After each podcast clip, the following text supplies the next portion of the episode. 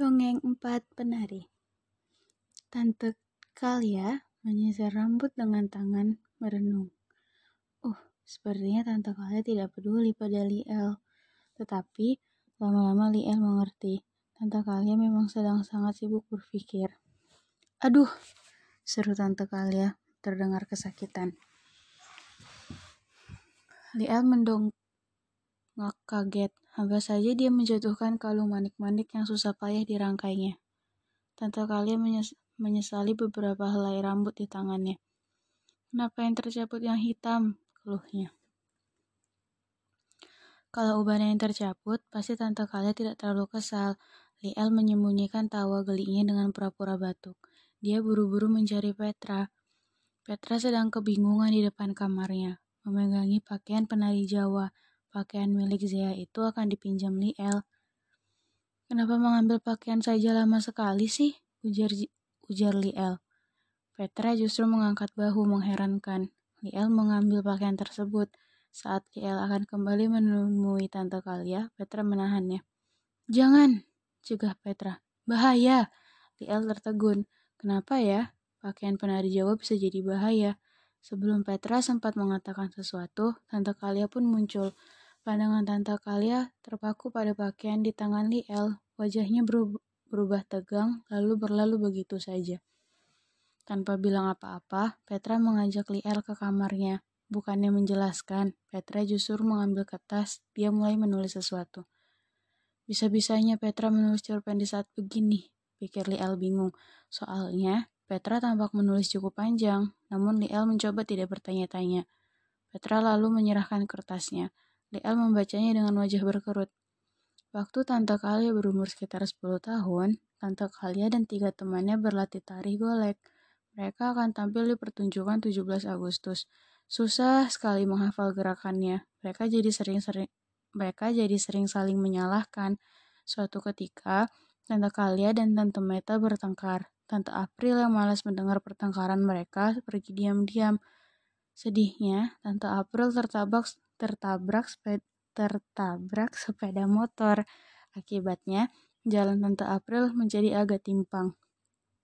Sejak saat itu, mereka tidak pernah menari lagi. Tante Kalia pun sedih sekali setiap melihat kostum menari.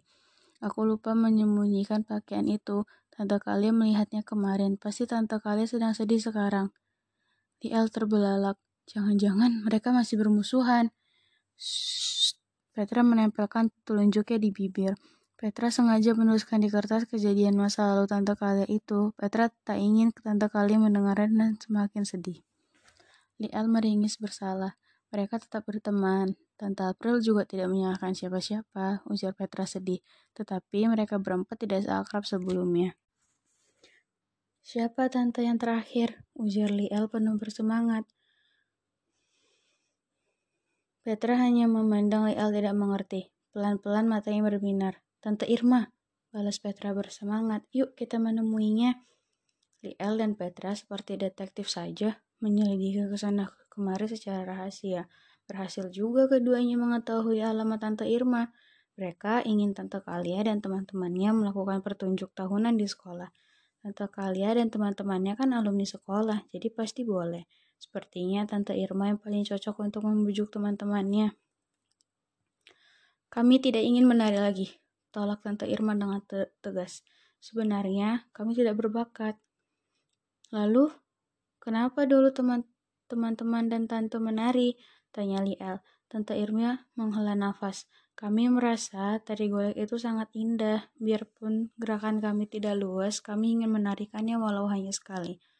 Mereka sudah berusaha keras bertahun-tahun, terus berusaha menari meskipun sulit untuk mereka. Sekarang saatnya mewujudkan mimpi itu bersama-sama menarikan sebuah tarian indah sebagai empat sahabat yang kompak.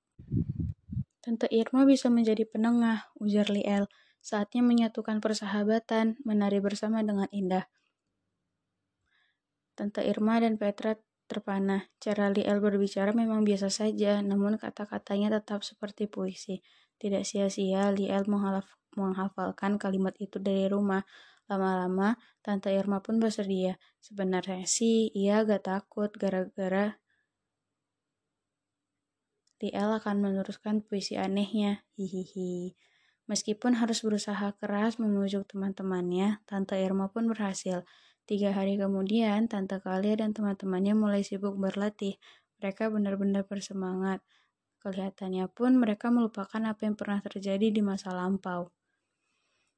Empat penari ini pun berlatih dan persahabatan mereka seindah dengan tarian mereka. Dahulu kala di kota Persia. Seorang ibu tinggal dengan anak laki-lakinya yang bernama Aladin. Suatu hari, datanglah seorang laki-laki mendekati Aladin yang sedang bermain. Kemudian, laki-laki itu mengakui Aladin sebagai keponakannya. Laki-laki itu mengajak Aladin pergi ke luar kota dengan seizin ibu Aladin untuk membantunya. Jalan yang ditempuh sangat jauh. Aladin mengeluh kecapaian kepada pamannya, tetapi ia dibentak dan disuruh untuk mencari kayu bakar. Jika tidak mau, Aladin akan dibunuhnya. Aladin akhirnya sadar bahwa laki-laki itu bukan pamannya, melainkan seorang penyihir. Laki-laki penyihir itu kemudian menyalakan api dengan kayu bakar dan mulai mengucapkan mantra. Krak, tiba-tiba tanah menjadi berlubang seperti gua. Dalam gua itu terdapat tangga sampai ke dasarnya. Ayo turun, ambilkan aku lampu antik di di dasar gua itu seru si penyihir. Tidak, aku takut turun ke sana, jawab Aladin. Penyihir itu kemudian mengeluarkan sebuah cincin dan memberikannya kepada Aladin. Ini adalah cincin ajaib. Cincin ini akan melindungimu, kata si penyihir. Akhirnya, Aladin pun menuruni tangga tersebut dengan perasaan takut. Setelah sampai di dasar, ia menemukan pohon-pohon berbuah permata. Setelah buah permata dan lampu yang ada di situ di bawahnya, ia segera menaiki tangga kembali, tetapi pintu lubang sudah tertutup sebagian. Cepat, berikan lampunya, seru penyihir. Tidak, lampu ini akan kuberikan setelah aku keluar, jawab Aladin. Setelah berdebat, si penyihir menjadi tidak sabar dan akhirnya brak. Pintu lubang tertutup oleh si penyihir. Lalu meninggalkan Aladin terkurung di dalam lubang bawah tanah. Aladin menjadi sedih dan duduk termenung. Aku lapar, aku ingin bertemu ibu. Tuhan, tolonglah aku ucap Aladin. Aladin merapatkan kedua tangannya dan mengusap jari-jarinya. Tiba-tiba sekelilingnya menjadi merah dan asap membumbung. Bersamaan dengan itu muncullah se seorang raksasa. Aladin sangat ketakutan. Maafkan saya karena telah mengagetkan Tuhan. Tuhan, saya adalah peri cincin, kata raksasa tersebut. Oh, kalau begitu, bawalah aku pulang ke rumah, ucap Aladin. Baik tulah, baik tuan, naiklah ke punggungku. Kita akan segera pergi dari sini, ujar peri cincin tersebut. Dalam waktu singkat, Aladin sudah sampai di depan rumahnya. Kalau tuan memerlukan saya, panggillah dengan menggosok cincin tuan. Aladin menceritakan semua hal yang dialaminya kepada ibunya.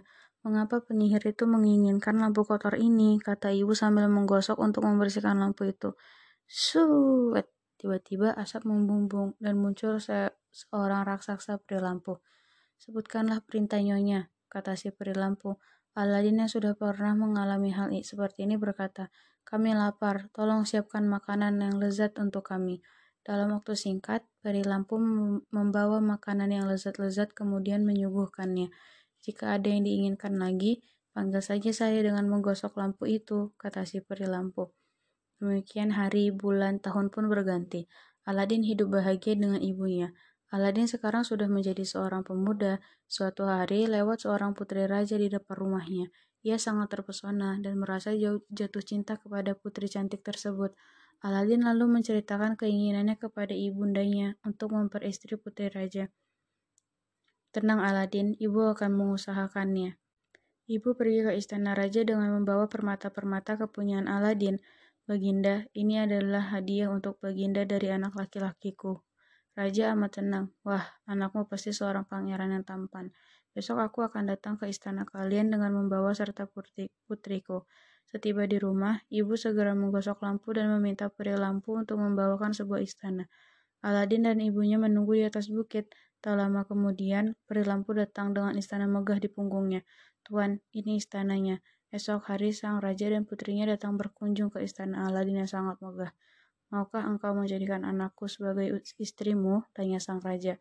Aladin sangat gembira mendengarnya, lalu mereka berdua pun melaksanakan pesta pernikahan. Di tempat nan jauh di sana, si penyihir ternyata melihat semua kejadian itu melalui bola kristalnya. Ia lalu pergi ke tempat Aladin dan pura-pura menjadi seorang penjual lampu di depan istana Aladin. Ia berteriak-teriak, tukarkan lampu lama Anda dengan lampu baru. Sang permaisuri melihat lampu ajaib Aladin yang sudah usang pun segera keluar dan menukarkannya dengan lampu baru. Segera si penyihir menggosok lampu itu dan memerintahkan peri lampu memboyong istana beserta isinya dan istri Aladin ke rumahnya. Ketika Aladin pulang dari berkeliling, ia sangat terkejut, lalu memanggil peri cincin dan bertanya kepadanya apa yang telah terjadi. Kalau begitu, tolong kembalikan lagi semuanya kepadaku, ujar Aladin. Maaf tuan, tenaga saya tidaklah sebesar peri lampu, ujar peri cincin. Baik, kalau begitu aku yang akan mengambilnya. Tolong antarkan aku ke sana, seru Aladin. Sesampainya di istana, Aladin menyelinap masuk mencari kamar tempat sang putri dikurung. Penyihir itu sedang tidur karena kebanyakan minum bir, ujar sang putri. Baik, jangan khawatir, aku akan mengambil kembali lampu ajaib tersebut. Pasti kita akan menang, jawab Aladin yakin. Aladin mengendap-endap mendekati penyihir yang sedang tertidur. Ternyata lampu ajaib menyembul dari kantungnya. Aladin kemudian mengambilnya dan segera menggosoknya. Singkirkan, singkirkan penjahat ini, seru Aladin kepada peri lampu. Penyihir terbangun lalu menyerang Aladin, tetapi peri lampu langsung membanting penyihir itu. Terima kasih peri lampu, bawalah kami dari istana dan istana ini kembali ke Persia. Sesampainya di Persia, Aladin pun hidup dengan bahagia. Ia menggunakan sihir-sihir dari peri lampu dan peri cincin untuk membantu orang-orang miskin dan kesusahan.